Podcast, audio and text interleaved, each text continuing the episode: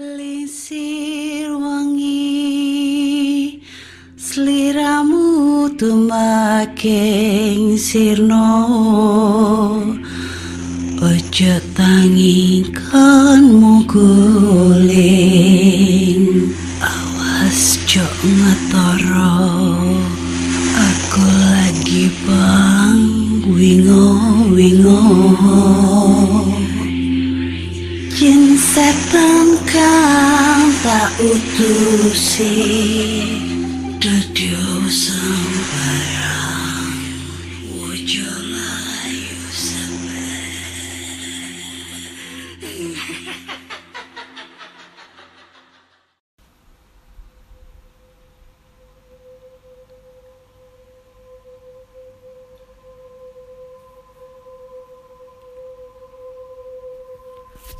Assalamualaikum warahmatullahi wabarakatuh Selamat malam di podcast kisah horor. Ketemu lagi dengan aku Ana di sini yang akan membacakan cerita horor ataupun email berhantu yang sudah dikirimkan teman-teman melalui podcast kisah horor at gmail.com ataupun di DM Instagram podcast kisah horor, DM Instagram Ana Olive serta Google Form yang linknya tersedia di bio Instagram podcast kisah horor. Ketemu lagi dengan aku di sini di episode 91. Wah, gak kerasa ya, udah episode 91 eh podcast kisah horor menemani kalian semua dan gak kerasa lagi kurang lebih eh, 8 harian ya. 8 hari atau berapa ya? Sekarang tanggal berapa sih? Tanggal 2. Ya, sekitar 10 harian lagi tuh kita akan merayakan hari kemenangan ya eh, hari raya Idul Fitri. Aduh, nggak berasa Idul Fitri kalian mau ke mana? Mungkin ada yang mau mudik, tapi mudik sekarang dilarang ya. Kalau aku sih di rumah tetap. Paling kalau udah silaturahim sama orang tua, udah lahir batin sama orang tua, langsung masuk kamar. Karena males menghadapi kenyataan dan ketemu sama tetangga, pasti nanti ditanyain. Jodohnya mana? Udah ketemu jodohnya belum? Kapan nikah? Mana pacarnya? teman-temanmu udah nikah kamu kok belum udah 30 tahun loh nggak nikah nikah ah, momok itu ya ya pasti kan itu juga terjadi sama kalian akan terjadi sama kalian gitu loh. Jadinya udah kalau udah selesai lahir batin sama keluarga kumpul keluarga langsung masuk kamar dah. Nggak usah ke mana-mana. Takut nanti dita- ditanya-tanyain sama tetangga. Karena kan banyak yang nggak mudik ya sekarang itu ya e, dilarang sama pemerintah. Di di Surabaya sendiri aja udah mulai penyekatan ya. Katanya sih tanggal 6 itu udah mulai penyekatan penyekatan di seluruh oh, di seluruh Jawa Timur gitu loh. Jadi yang belum mudik ya sekarang aja mulai mudik. Soalnya tanggal 6 udah mulai serentak penyekatan di sejumlah ruas jalan di area Indonesia gitu. Uh cuaca di Surabaya itu sangat panas banget. Nggak tahu di tempat kalian kayak gimana padahal semalam itu hujan deras subuh kemarin Oke langsung aja kita bacakan cerita-cerita horor yang sudah dikirimkan teman-teman. Dan kali ini cerita pertama datang dari Google Form Dan yuk kita bacakan. Hai kak, aku mau cerita pengalamanku pertama kali melihat dia. Ini cerita waktu aku lagi jalan-jalan sama keluargaku. Maafkan kalau ceritanya nggak serem, tapi menurutku ini serem sih. Soalnya ini kali pertama aku mengalaminya. Yaudah leh, jangan jangan banyak intro. Hari itu jam 9 pagi aku bersiap check out dari hotel tempatku menginap bersama keluargaku. Setelah aku sudah siap, aku mengecek kembali barang-barang bawaanku. Semuanya sudah siap.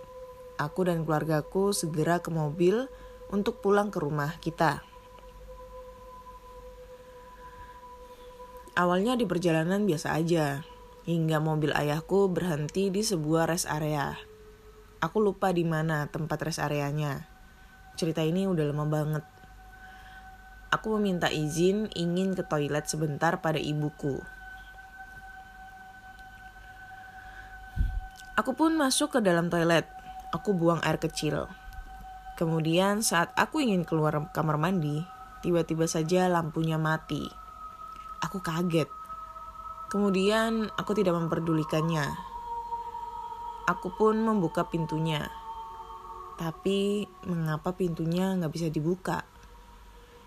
Jujur, aku tak pernah mengunci pintu toilet. Aku hanya menutup saja. Aku bukan seorang pemberani. Itu alasanku tidak mengunci pintunya. Aku berusaha membuka pintunya, lalu aku mencoba membuka kuncinya. Apa terkunci dari luar? Tidak mungkin, aku sendiri di sini. Jika ada yang menguncinya dari luar, harusnya terdengar suara, bukan? Ya. ya ampun, aku sangat takut di dalam toilet ini. Yang lampunya mati, ditambah pintunya terkunci. Aku pun berbalik ke belakang. Sama-sama aku melihat anak kecil tidak begitu jelas karena lampunya mati. Aku ketakutan, aku berusaha menggedor-gedor pintunya lalu teriak meminta tolong.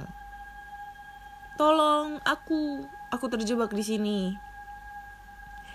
Aku menangis sejadi-jadinya karena anak kecil itu mendekatiku. Lalu dia memegang tanganku. Tangannya begitu dingin. Hei, Jangan takut, aku tak melukaimu. Begitu kata dia dengan suara lembut seperti orang dewasa. Padahal dia terlihat seorang anak berumur empat tahun. Mungkin aku tidak peduli dengan ucapannya. Aku terus berteriak.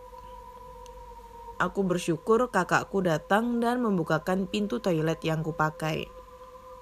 Bener aja, ternyata pintunya terkunci dari luar. Lalu tiba-tiba lampu yang tadi mati menyala kembali. Seorang anak kecil tadi menghilang. Kakakku menatapku tanda tanya. Kenapa kamu dek? Kata kakakku. Gak apa-apa, kekunci kayaknya. Ada yang ngiseng tadi, kataku. Oh, ya udah yuk, mau lanjut jalan. Iya. Gitulah ceritanya. Kak serem banget waktu itu. Tapi alhamdulillah aku nggak lihat mukanya. Terus waktu itu aku cerita ke mama. Ke mama aku pas sampai rumah. Mama aku kaget terus nanya dek abis dipegang tangan kamu memar nggak? Eh abis dipegang tangan kamu memar nggak terus aku jawab nggak mah mungkin mamaku takut aku aku ketempelan tapi untunglah nggak terjadi apa pun lagi denganku sejak saat itu. Oke, ceritanya udah selesai ya. Cerita pertama. Kayak kayak di novel ya ceritanya ya, kayak, kayak cerpen gitu, cerita pendek. Ya emang ini cerita pendek. Hmm. Lagian di rest area ke toilet gak dikunci emang gak diintip sama orang lain gitu ya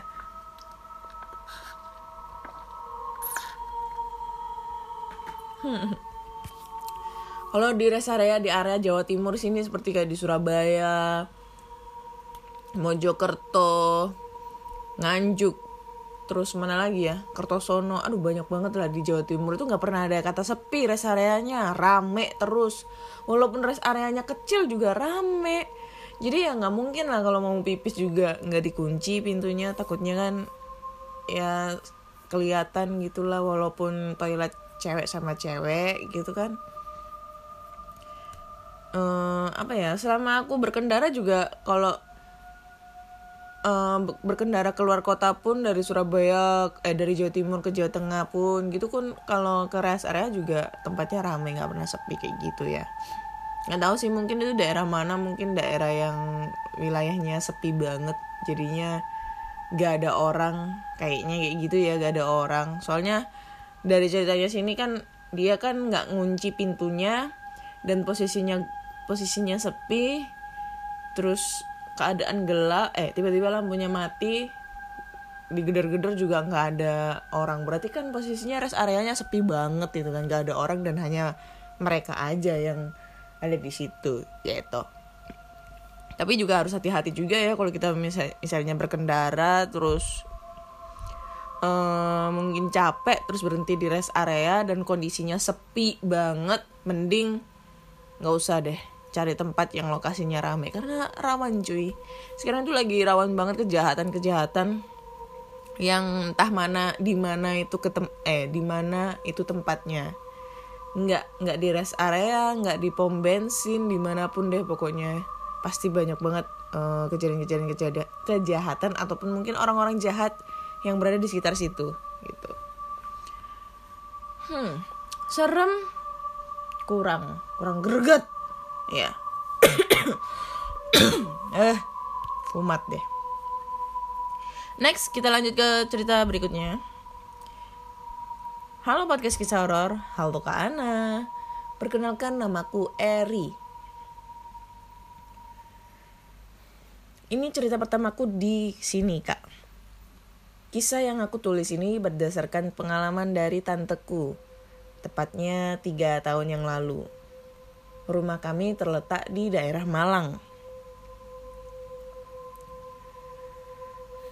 Tanteku sebut saja Selfie tinggal di rumah kosong yang terletak di sebelah rumahku. Rumah itu memang sudah lama tidak berpenghuni dan akhirnya dibeli oleh orang tuanya. Dia tinggal di Malang karena orang tuanya berpindah dari satu kota ke kota lain. Dan dia memutuskan untuk menempati rumah itu. Daripada tinggal sendiri, maka aku disuruh oleh mamaku, eh omaku, untuk menemani tanteku untuk tidur malam di situ. Karena di siang hari ada pembantu yang menemani dia. Maklum, ibunya Tante Selfie dan omaku bersaudara dan Tante Selfie sudah dianggap seperti anaknya sendiri. Waktu itu Tante Selfie sudah kelas 3 SMA dan aku masih duduk di kelas 2 SMP. Suatu malam sebelum tidur, Tante Selfie ngomong ke aku. Eri, nanti malam tante mau tahajud. Berhubung tante sudah mau ujian nasional. Semoga tante diberi kemudahan dalam kelulusannya ya. Aku pun mengangguk. Sudah biasa sebenarnya. Kalau sudah menghadapi ujian nasional, murid-murid kelas 3 berubah menjadi sangat alim dan tobat, termasuk tante Selfie. Biasanya dia suka keluyuran sama teman-temannya daripada belajar di rumah. Mana tadi? Setelah mematikan lampu, kami pun beranjak tidur. Tepat jam setengah tiga pagi, alarm Tante Selfie berbunyi. Sudah mau sholat tahajud dia, pikirku. Kamar tidur kami memiliki satu kamar mandi yang cukup luas. Tante Selfie pun segera mengambil mengambil wudhu dan menyiapkan alat sholat dan sajadahnya. Yang aku yang aku heran, kenapa dia harus sholat tepat di depan pintu kamar mandi. Kamar mandi terletak di belakangnya. Dan di depan tante selfie terdapat cermin antik berbentuk oval. Ukurannya pun lumayan besar. Aku kembali melanjutkan tidurku karena memang terlalu capek berkegiatan di sekolah. Tante Selfie lalu mengucapkan niat sholat tahajudnya. Akan tetapi, mendadak ada suara gemuruh yang berasal dari dalam kamar mandi. Suara suaranya seperti botol-botol sabun mandi yang terjatuh. Karena semua barang eh salah salah terjatuh karena dia berpikir bahwa itu ulat tikus, dia membuka pintu kamar mandi dan mengecek ulang. Ternyata tidak ada yang jatuh. Semua barang ada pada posisinya. Berpikir bahwa itu hanyalah sebuah halusinasi, Tante Selfie pun melanjutkan sholat tahajudnya. Ketika dia hendak melakukan takbir, sekejap bulu kuduknya berdiri Alangkah kaget, kagetnya, ia ia ketika melihat bayangan orang besar bermata merah berdiri di belakangnya. Bayangannya terpantul di cermin sehingga tanteku mampu melihatnya. Tante Selfie berusaha menghiraukannya dan dia melakukan sujud sambil beristighfar dalam hati. Ketika dia hendak berdiri lagi setelah sujud, dia dikejutkan kembali oleh oleh kehadiran sepasang kaki tak berbadan berjalan tepat di depan matanya. Air mata tante Selfie mulai menetes karena dia sangat ketakutan. Ia segera menyelesaikan sholat tepat di depan matanya. Air mata tante Selfie mulai menetes karena dia sangat ketakutan. Eh, kok dibaca lagi? sorry, sorry, sorry. Yang mana tadi? Oh ini. Ia segera menyelesaikan sholat tahajudnya dan beranjak ke tempat tidur sambil melafazkan surat-surat Al-Quran yang dia hafal. Pagi harinya ketika aku terbangun, Tante Selfie menceritakan semua yang terjadi padanya semalam. Dia juga bercerita bahwa ketika dia hendak membangunkanku, ada bayangan orang besar yang berdiri tepat di sebelahku yang tertidur. Akhirnya di hari-hari berikutnya, kalau Tante Selfie sedang sholat tahajud, aku pun bangun dan menemaninya untuk sholat. Sekarang Tante Selfie udah lulus dan melanjutkan pendidikannya, serta ngekos di Jakarta. Aku pun masih tinggal di Malang, dan sekarang aku sudah kelas 2 SMA. Dan masih teringat tentang rumah sebelah yang kini kosong itu. Sampai saat ini, gangguan di rumah sebelah tersebut masih berlanjut meskipun sudah diadakan ritual pengusiran jin dan pembacaan doa. Aku berpendapat bahwa mereka sudah betah tinggal di sana dan gak mau diusir. Semoga saja keberadaan mereka tidak mengusik kami. Thank you karena udah dibacakan ceritanya dan sukses selalu untuk podcast kisah horor. Thank you Eri buat cerita horornya ya. Woi, di Malang, Bro. Malang, Malang, Malang itu kota wisata.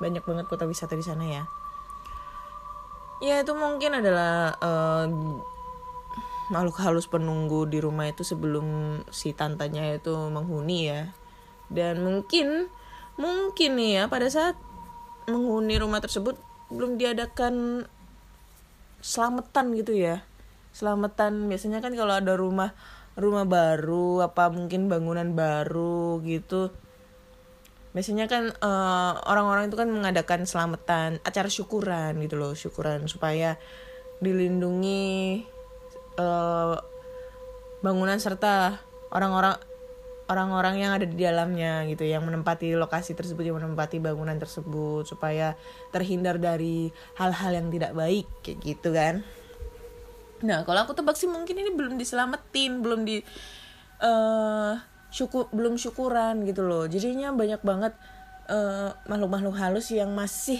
menetap di rumah itu. Secara tantenya orang tua dari tantenya itu kan membeli dari keadaan rumah kosong yang udah lama banget terus ditempatin tantenya kayak gitu. Dan sekarang kosong lagi deh. Kenapa nggak dijual aja gitu kan? Hmm serem kurang ya. Tapi dalam pikiranku tuh ini ya kalau seremnya di cerita ini semisalnya nih. Pas tantenya lagi sholat yang ada dalam pikiranku adalah makhluk halus yang ada di belakangnya itu ngikutin sholat cuy. Tadi itu aku nebaknya kayak gitu maksudnya sebelum aku membaca keseluruhan dari ceritanya itu yang aku yang aku pikirkan adalah sosok tersebut itu ngikutin tantenya ini sholat. Kebayang dong film makmum yang lagi yang the best banget cerita pendek makmum itu. Bukan yang film yang di Malaysia itu ya bukan tapi yang dari mana itu? Jawa Tengah atau mana gitu. Itu serem banget filmnya film pendek itu. Nah itu yang dalam pikiranku itu uh, setannya itu ikut sholat terus waktu kita doa um, baca-baca al-fatihah misalnya ya baca al-fatihah terus setannya ngikutin dong. Dengan nada nada dia yang sangat berat terus kayak berbisik tapi berat banget. Dan aduh seremnya kayak gimana sumpah. Dulu dulu itu aku kayak gitu sering. Dulu itu aku pernah nonton film makmum terus dalam pikiranku tuh dalam bayanganku ya eh tersugesti itu pasti aku ke kesuges kalau misalnya aku mau sholat malam gitu ada yang ngikutin bat apa ya ada yang ngikutin sholat di belakang terus kedengar suara-suara orang baca apa ya ngikutin kita baca-baca ayat Al-Quran. Gila itu gimana apa ya aduh responnya kayak gitu ya walaupun kita dalam keadaan sholat juga masih tetap serem itu mungkin ada teman-teman yang pernah mengalami kayak gitu langsung aja kirim ceritanya ke podcast kisah horor mantap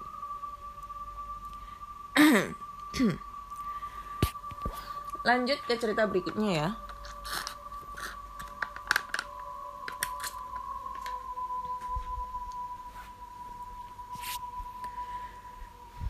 cerita berikutnya Rumahku berlantai dua yang memiliki delapan kamar dan dua kamar mandi di bawah. Enam kamarku dijadikan kontrakan. Karena kini aku hanya tinggal bertiga. Aku, suami, dan juga anakku yang berumur dua tahun. Singkat cerita, kamar di lantai dua dibiarkan kosong selama dua tahun. Karena tadinya setelah aku lahiran, aku belum berani untuk menempati kamar atas lagi. Dikarenakan capek harus naik turun tangga. Jadi aku menempati kamar di dekat ruang tamu. Suatu ketika, aku dan beberapa orang yang ingin nge... Eh, salah. Oh ya. Suatu ketika ada beberapa orang yang ingin ngekos dan semua laki-laki berjumlah tujuh orang dan menempati dua kamar di lantai bawah sekitar dua mingguan. Di lantai bawah, gimana sih nggak ada tanda bacanya? Sekitar dua mingguan kamar kedua kamar kedua yang ditempati itu mengalami ambruk. Karena memang lantai bawah ini yang dulunya dapur dan ruang makan dikosongkan akib akibat pergeseran tanah sehingga membuat rumahku sedikit agak miring. Tapi aman kok, terbukti. Alhamdulillah. Sampai saat ini tidak pernah terjadi apa-apa. Lalu di hari selanjutnya, empat orang yang menempati kamar ambruk itu aku suruh pindah dulu ke kamar di lantai dua sementara waktu.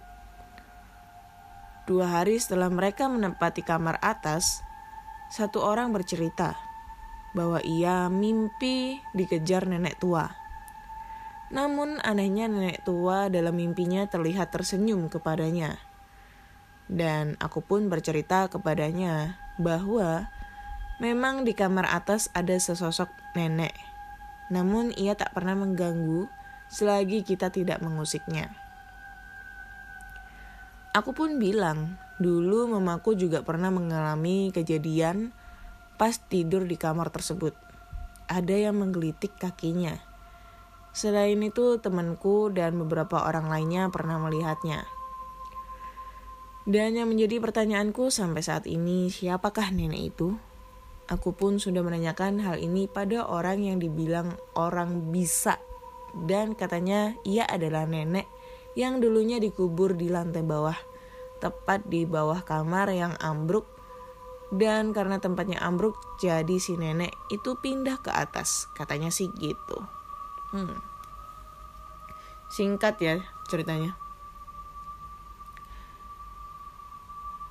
Jadi kalau misalnya kamarnya itu posisinya ambruk, nggak ambruk semua gitu rumahnya, kan rumahnya gede gitu, otomatis kan, hmm, oh mungkin atapnya yang ambruk kali ya.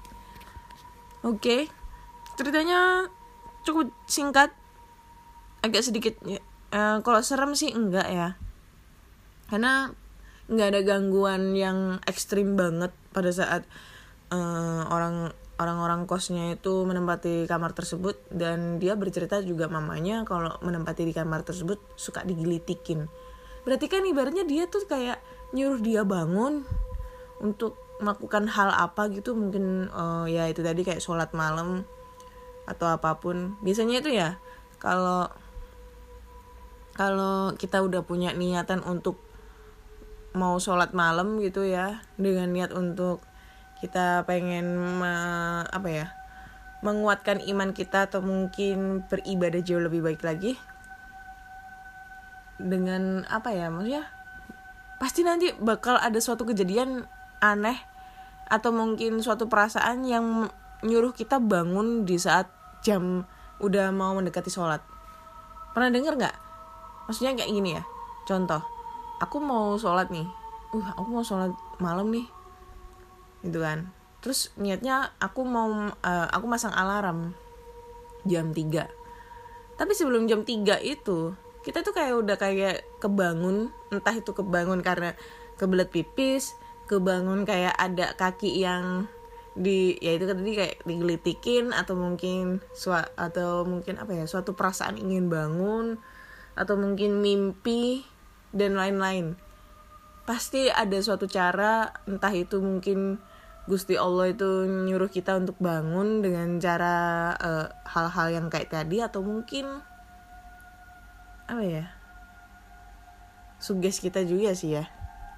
Yang mengharuskan kita memang dengan cara seperti eh, kalau kita dini, meniatkan untuk sholat malam pasti ada ada aja yang membuat kita tuh bangun. Kayak gitu deh bingung aku ngejelasinnya. Goblok. Entah nggak tahu ya kenapa ya?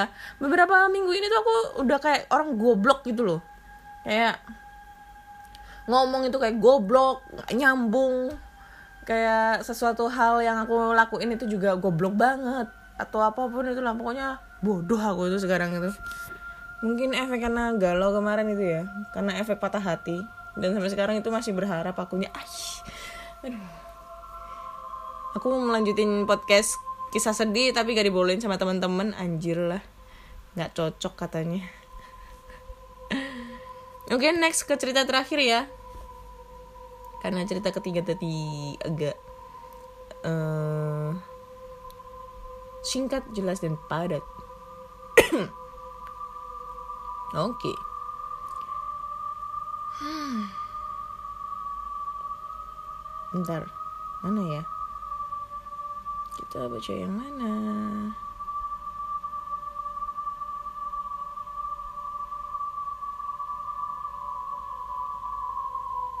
Hmm, ini dia.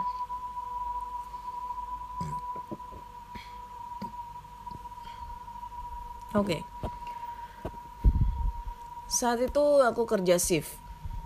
Masuk pukul 1 siang dan pulang pukul setengah 10 malam. Saat aku pulang kerja, badanku terasa sangat lemas sekali. Tapi aku tidak bisa langsung tidur. Biasanya aku main game terlebih dahulu karena besok masuk siang.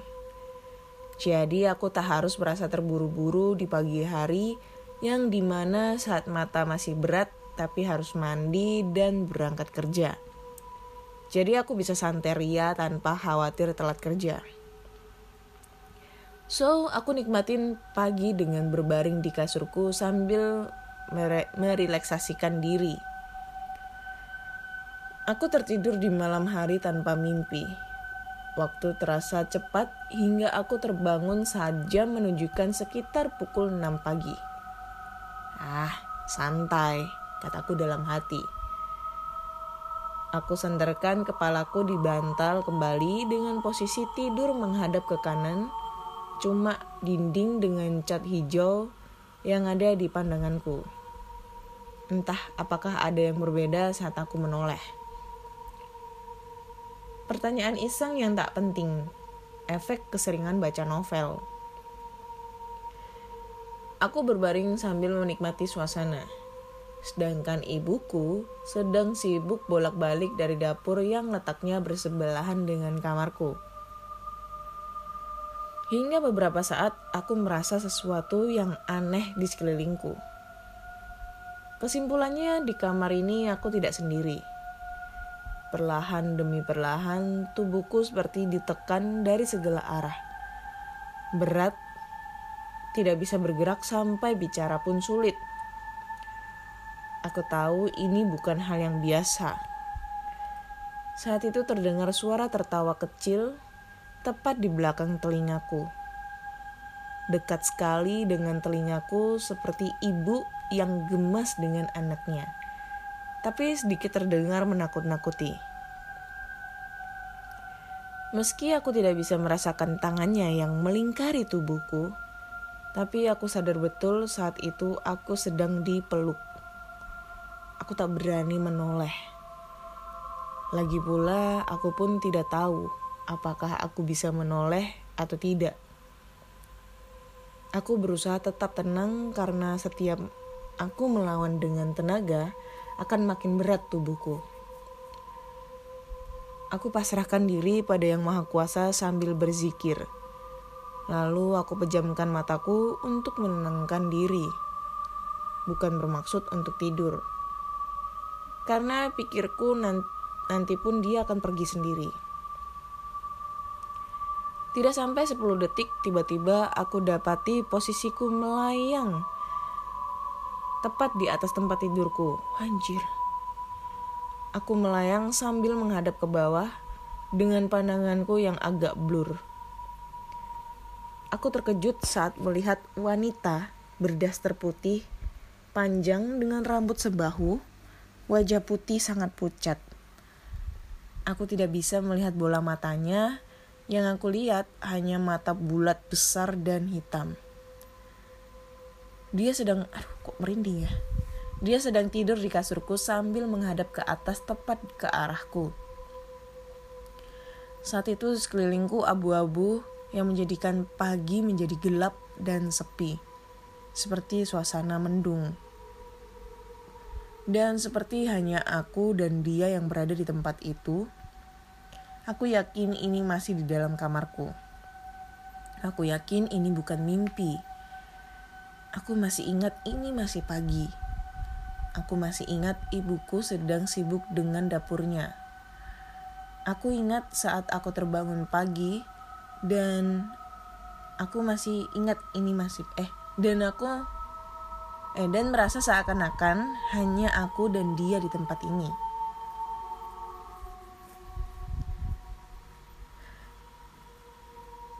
Uh, aku melihat jam Aku sadar kalau semua itu barusan terjadi. Tapi aku tak bisa merasakan aktivitas di luar ruang kamarku. Aku merinding dan takut, tapi aku memaksakan diri untuk berani. Aku bawa tubuhku ke bawah, menghampiri wanita itu dan memegang lehernya sambil mengancam. Jangan ganggu atau aku bunuh. Wih, serem anjir. Kata-kata itu kuucapkan hanya untuk membawa diriku keluar dari rasa takut. Lagi pula, aku pun sangat yakin kalau aku tak bisa membunuhnya. Saat aku berkata seperti itu, dia hanya dia menatapku. Meski jarak sedekat itu, aku tetap tidak bisa melihat bola matanya. Tapi aku yakin dia sedang melotot. Aku bisa merasakannya saat itu Jarak semakin dekat sampai dia berada di serong kiri, dekat wajahku, sangat dekat dan kurang dari satu jengkal. Tatapannya mengancam dan mencekam. Dan tiba-tiba aku kembali membuka mataku. Sedangkan tubuhku masih berat tak bisa digerakkan. Aku tidak boleh panik pikirku. Seperti sebelumnya yang pernah terjadi, semua akan baik-baik saja. Tetap tenang dan rileks, kataku. Aku berusaha menggerakkan tubuhku perlahan demi perlahan. Aku mulai bisa menggerakkan sedikit tanganku sampai kurang lebih 15 detik. Aku lepas dari pelukan makhluk itu. Aku menghirup nafas lega, tapi suasana gelap, mendung, dan sepi masih terasa hingga akhirnya menghilang. Aku bangun langsung menuju kulkas di dapur tepat depan pintu kamarku yang sebenarnya belum sempat dipasang pintu saat dibangun.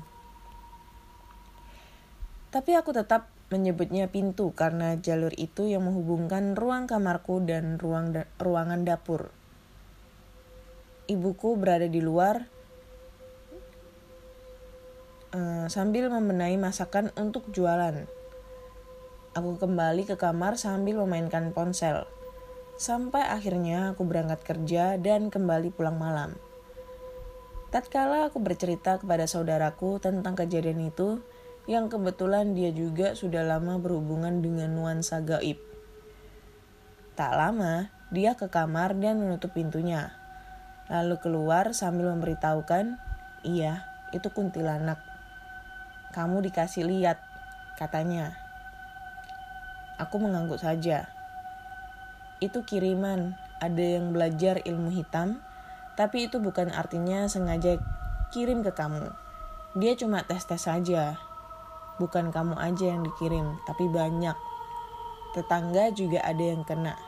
Tapi kuntilanaknya sudah mas suruh pergi, katanya. Aku cukup menyimak saja dan semua kembali seperti biasa. Wah anjay, serem juga ya.